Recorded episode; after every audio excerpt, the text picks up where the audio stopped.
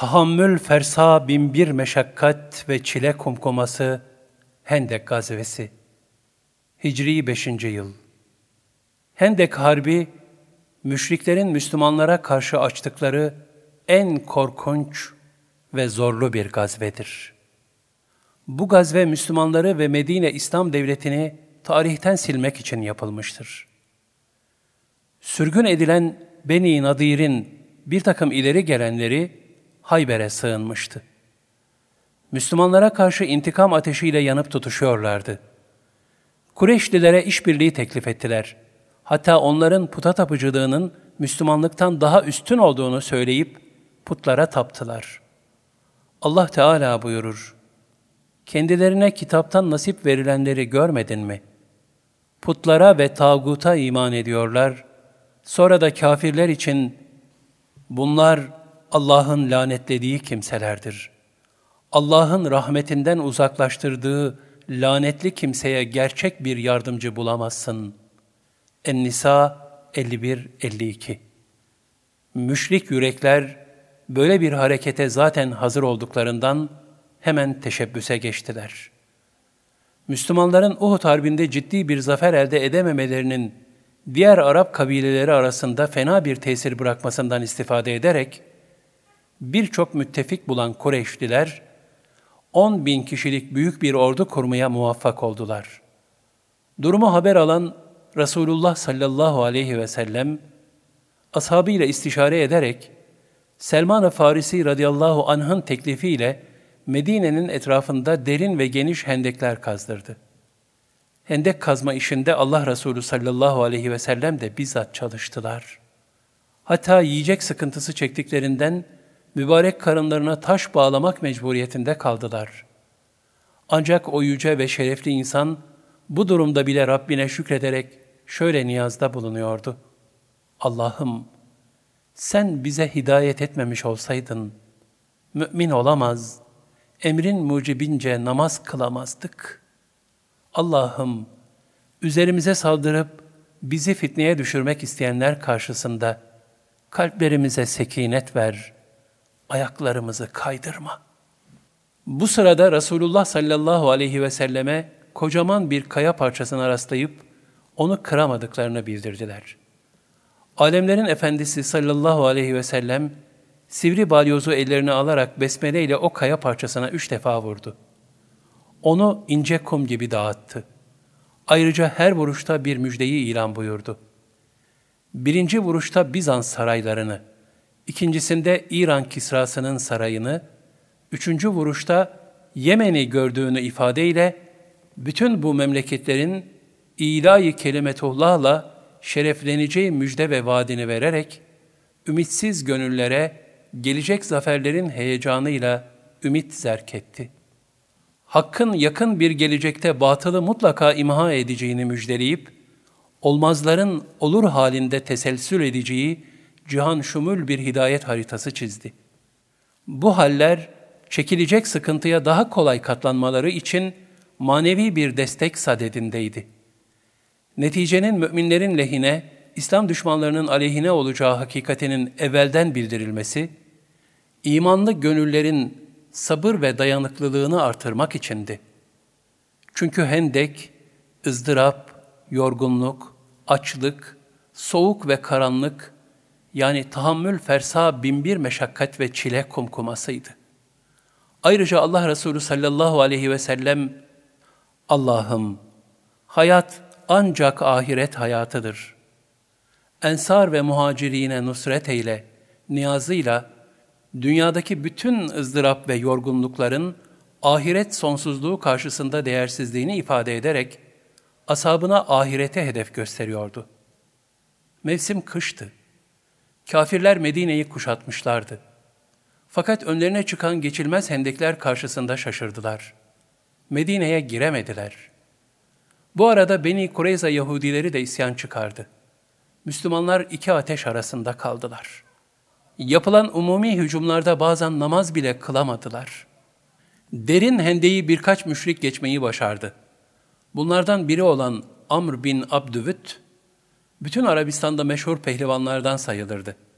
Karşısına Hazreti Ali çıktı ve Allah'ın izniyle onu öldürdü. Diğerinin akıbeti de aynı oldu. Savaş uzayıp gidiyordu. Müminler öyle zor durumdaydılar ki, ilahi yardım ne zaman gelecek diye beklemeye başladılar. Bu hali Allah Teala ayeti kerimelerde şöyle tasvir buyurur. Onlar hem yukarınızdan hem aşağınızdan üzerinize yürüdükleri zaman, gözler kaydığı, yürekler gırtlağa geldiği ve siz Allah hakkında türlü türlü şeyler düşündüğünüz zaman, işte orada iman sahipleri imtihandan geçirilmiş ve şiddetli bir sarsıntıya uğratılmışlardı. Ve o zaman münafıklarla kalplerinde hastalık bulunanlar, meğer Allah ve Resulü bize sadece kuru vaatlerde bulunmuşlar diyorlardı. Onlardan bir grup da demişti ki, Ey Yesripliler, Medineliler! Artık sizin için durmanın sırası değil, haydi dönün.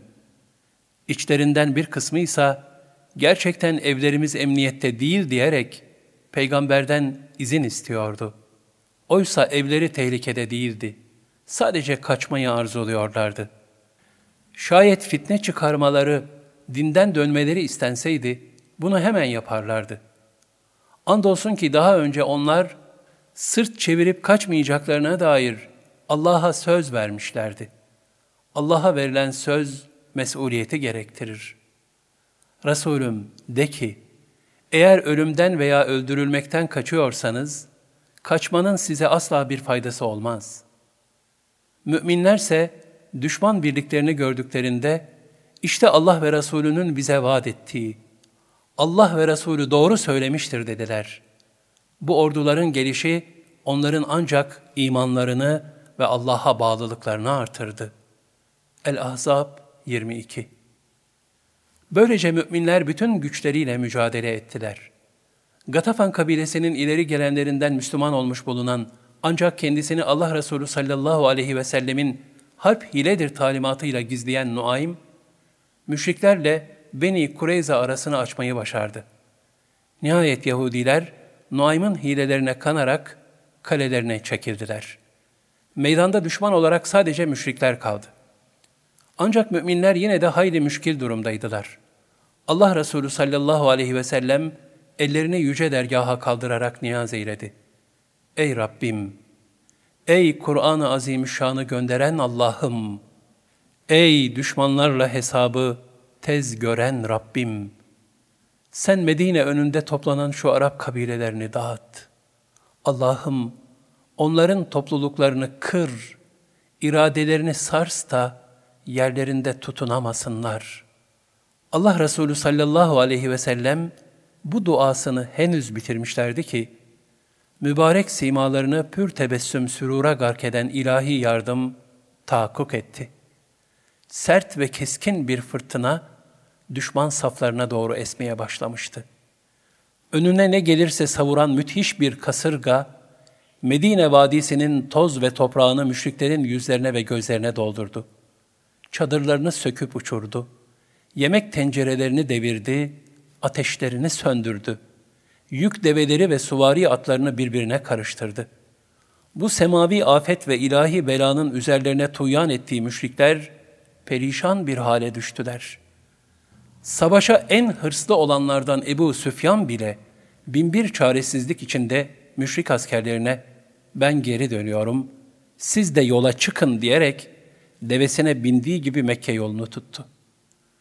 Cenab-ı Hak iman edenlere nusretini göndermişti. Ayet-i kerimede buyurulur.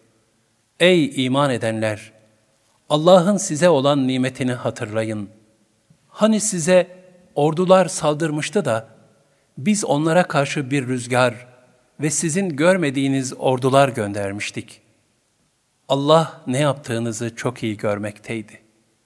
El-Ahzab 9 Allah o inkar edenleri hiçbir fayda elde edemeden öfkeleriyle geri çevirdi.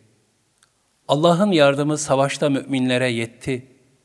Allah güçlüdür, mutlak galiptir.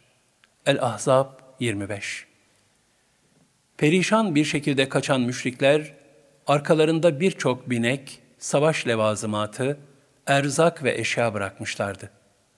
Bunlar sayesinde Medine'deki kıtlık da ortadan kalkmış oldu.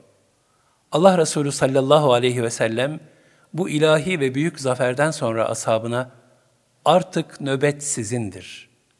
Bundan sonra Kureyş sizin üzerinize gelemez buyurdular. Böylece artık müdafaa değil, hücuma da geçebileceklerini ifade etmiş oluyorlardı. Çünkü müşriklerin hem gururları hem de saldırı güçleri tamamen kırılmıştı. Artık bütün mümin gönüllerde Allah Resulü sallallahu aleyhi ve sellemin bu hakikati ifade eden sözleri terennüm ediliyordu. Bundan böyle biz onlara doğru yürüyeceğiz.